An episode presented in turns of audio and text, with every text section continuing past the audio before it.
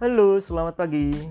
Kali ini saya akan membahas terkait seperti janji saya sebelumnya terkait unsystematic risk ya, atau resiko yang itu bisa dihilangkan dengan diversifikasi portofolio atau uh, unsystematic risiko yang timbul dari dalam uh, perusahaan atau produk investasi itu sendiri. Nah, Oke, okay. baik. Uh, unsystematic risk itu seperti apa sih? Ya, seperti penjelasan saya sebelumnya di podcast sebelumnya bahwa unsystematic risk itu melekat ya, melekat pada uh, suatu instrumen investasi. Ya, suatu instrumen investasi gampangannya kita ke inilah ke perusahaan gitu ya. Nah kembali lagi kita contohkan aja sebelumnya kita contohkan BRI ya ini BRI lagi aja nggak apa-apa. Bank Rakyat Indonesia. Oke, ketika kita berinvestasi di Bank Rakyat Indonesia, tentunya kita bisa sudah menghitung-hitung gitu ya apa eh, ekspektasi returnnya itu berapa gitu ya. Entah itu dari uh, tren harga sahamnya beberapa data historis yang lalu atau dividennya ataupun hitung-hitungan lain apa uh, memprediksi keuntungan ke depan. Tentunya kita punya hitung-hitungan yang nantinya akan muncul expected return return yang kita harapkan ekspektasi return kita. Ya misalkan kita berekspektasi return dari BRI itu uh, 20% ya 20% dari nilai investasi kita. Misalkan 20% nah yang namanya ekspektasi ya yang namanya ekspektasi nah itu kan uh, ini ya kita sudah ekspektasikan tapi nanti itu ada biasnya ada resikonya.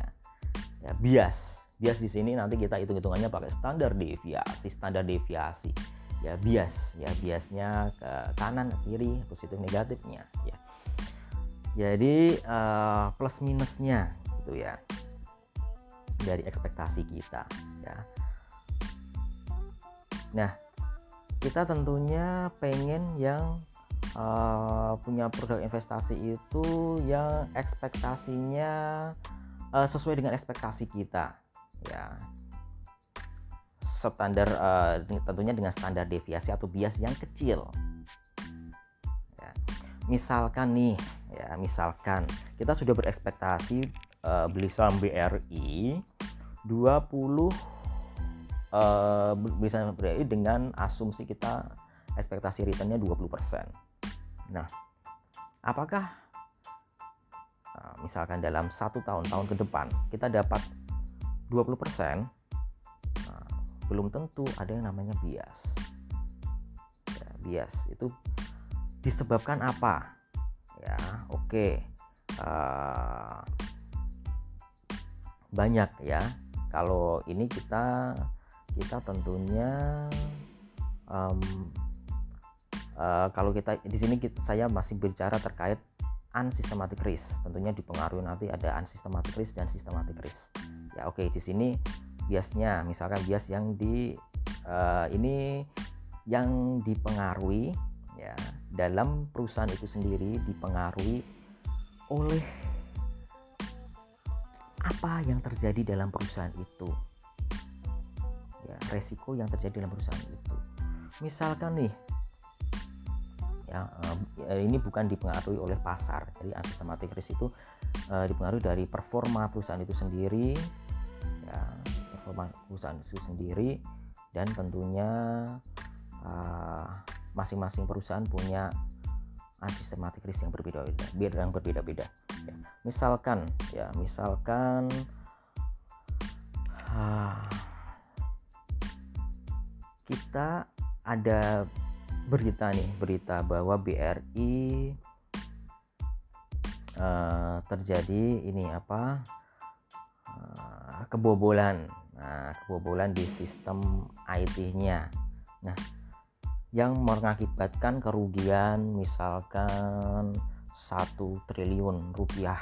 Nah, itu terjadi dalam perusahaan BRI itu sendiri. Nah, itulah yang namanya resiko unsystematic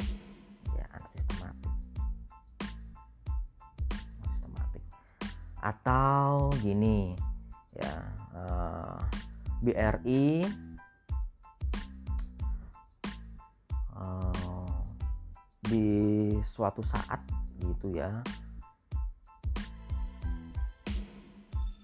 masyarakat gitu, masyarakat uh, banyak yang meninggalkan BRI gitu.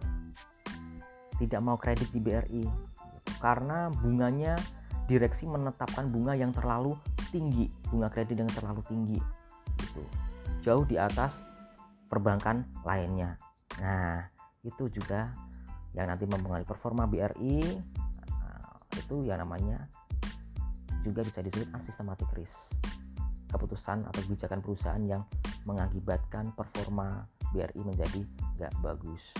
Atau terjadi pem, e, nanti direksinya e, direksi, direksi yang baru atau direktur utama yang baru e, ternyata e, bukan dari kalangan profesional perbankan yang punya track record yang bagus.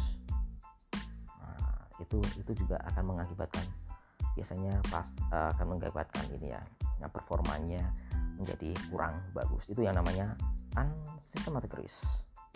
Ya jadi uh, resiko-resiko yang timbul dari dalam perusahaan itu sendiri. Nah kenapa unsystematic risk itu disebut resiko yang bisa dihilangkan? Kalau resiko pasar nggak bisa dihilangkan. Ya. Kalau sistem unsystematic risk itu bisa dihilangkan dengan cara diversifikasi. Diversifikasi ya diversifikasi maksudnya di sini diversifikasi adalah kita tidak nyemplung nah, tidak menceburkan uang kita ke dalam satu bentuk investasi ya tapi ke banyak investasi ya kalau di sini kita ke saham ya juga tidak hanya ke satu saham tapi ke saham lain atau kita tidak cuma ke saham tapi ke obligasi pasar uang dan sebagainya itu yang namanya diversifikasi diversifikasi itu bisa me, me ini ya mengurangi resiko unsystematic risk. Nah, bagaimana caranya? Nah, misalkan nih, ya, gimana caranya? Nah, ya jelas kita cari produk investasi yang berkorelasi, tidak berkorelasi, inilah, tidak terlalu berkorelasi, alias angka korelasinya kecil, kurang dari satu atau bahkan negatif, gitu ya, bahkan negatif, ya. Kita tidak uh, memilih produk yang berko, uh, investasi yang berkorelasi uh, berkorelasi hampir satu gitu ya. Kalau satu itu korelasi sempurna. Misalkan gini ya misalkan gini korelasi sempurna itu. BRI misalkan uh, BRI dan BCA ini kan saham perbankan dengan kapitalisasi yang besar ya kapitalisasi yang besar mirip-mirip gitu ya. Keuntungannya juga mirip-mirip ya meskipun uh, basis kreditnya berbeda tapi pergerakannya tuh hampir mirip. Itu korelasinya tuh besar BRI naik BCA juga naik. BCA naik BRI juga naik. BCA turun BRI turun. BRI turun BCA turun. Itu. Jadi di sini uh, kalau mau menghilangkan risiko mengurangi risiko sistemat unsistematiknya pilih saham yang berkorelasi kecil atau negatif dari BRI nah berarti apa? Oh ya misalkan saham BRI BRI satunya lagi sah saham yang tidak berkorelasi positif dengan sektor finance itu apa biasanya? Hmm, apa mungkin? Ya kita anggap aja misalkan saham saham inilah saham apa saham ya tambang mungkin ya tambang emas aneka tambang. Nah misalkan saja korelasi antara aneka tambang dan dan BRI itu negatif atau berlawanan arah. Ya berlawanan arah. Artinya apa? Uh, bisa saling uh, meniadakan memperkecil resiko itu tadi unsystematiknya sistematik risknya. Ya coba kalau sama-sama uh, misalkan sama-sama perbankan gitu ya sama-sama perbankan dengan korelasi yang tinggi. BRI sama BCA misalkan. Jadi BRI BRI naik BCA naik ya. Ketika BRI turun BCA turun waduh sama aja dong ya. Resikonya gimana mau tereliminasi? Nah ketika misalkan ketika BRI turun nah ini misalkan pakai saham yang tidak berkorelasi berkorelasi uh, besar atau mungkin korelasinya negatif kecil atau cenderung negatif misalkan antam gitu ya. Ya walaupun nanti coba kalau dihitung itu nggak tahu antam itu korelasinya negatif atau positif ya selama ini terhadap BRI ya misalkan korelasinya negatif lah BRI turun antam naik. Nah resiko dari uh, dari penurunan saham BRI ini bisa dikompensasi oleh saham antam yang naik. Nah itulah uh, proses kerjanya sederhana dari diversifikasi. Atau gini ketika uh, pasar saham itu anjlok uh, pasar saham anjlok biasanya apa? Oh harga emas naik. Nah diversifikasinya berarti nggak hanya saham tapi emas. Nah bisa sebagai sebagai apa uh, sebagai instrumen untuk mengkompensasi kerugian di sektor saham. Jadi misalkan portofolionya itu investasi saham dan emas. Gitu. Ya seperti sekarang ini saham ancur-ancuran, ya ancur-ancuran karena banyak yang nyangkut atau harus membayar margin call atau ini ya. Nah, sedangkan in, uh, sedangkan sekarang emas lagi tinggi-tingginya karena orang pada menyimpan ke aset safe haven. Nah, si investor bisa menjual emasnya untuk menutup kerugian di sektor nah, di pasar saham. Itulah itu yang namanya apa unsystematic risk. Itu bisa dihilangkan dengan proses diversifikasi. Diminimalkan lah minimal ya. Minimalnya diminimalkan dengan proses diversifikasi investasi ya. Macam-macam oke itu jadi uh, seorang manajer investasi yang pintar ya harusnya bisa memikirkan semuanya itu dalam berbagai kondisi. Ya salah satunya kalau mengurangi unsystematic risk bisa dengan diversifikasi produk-produk yang tidak berkorelasi atau korelasinya negatif. Sehingga bisa saling mengkompensasi kerugiannya.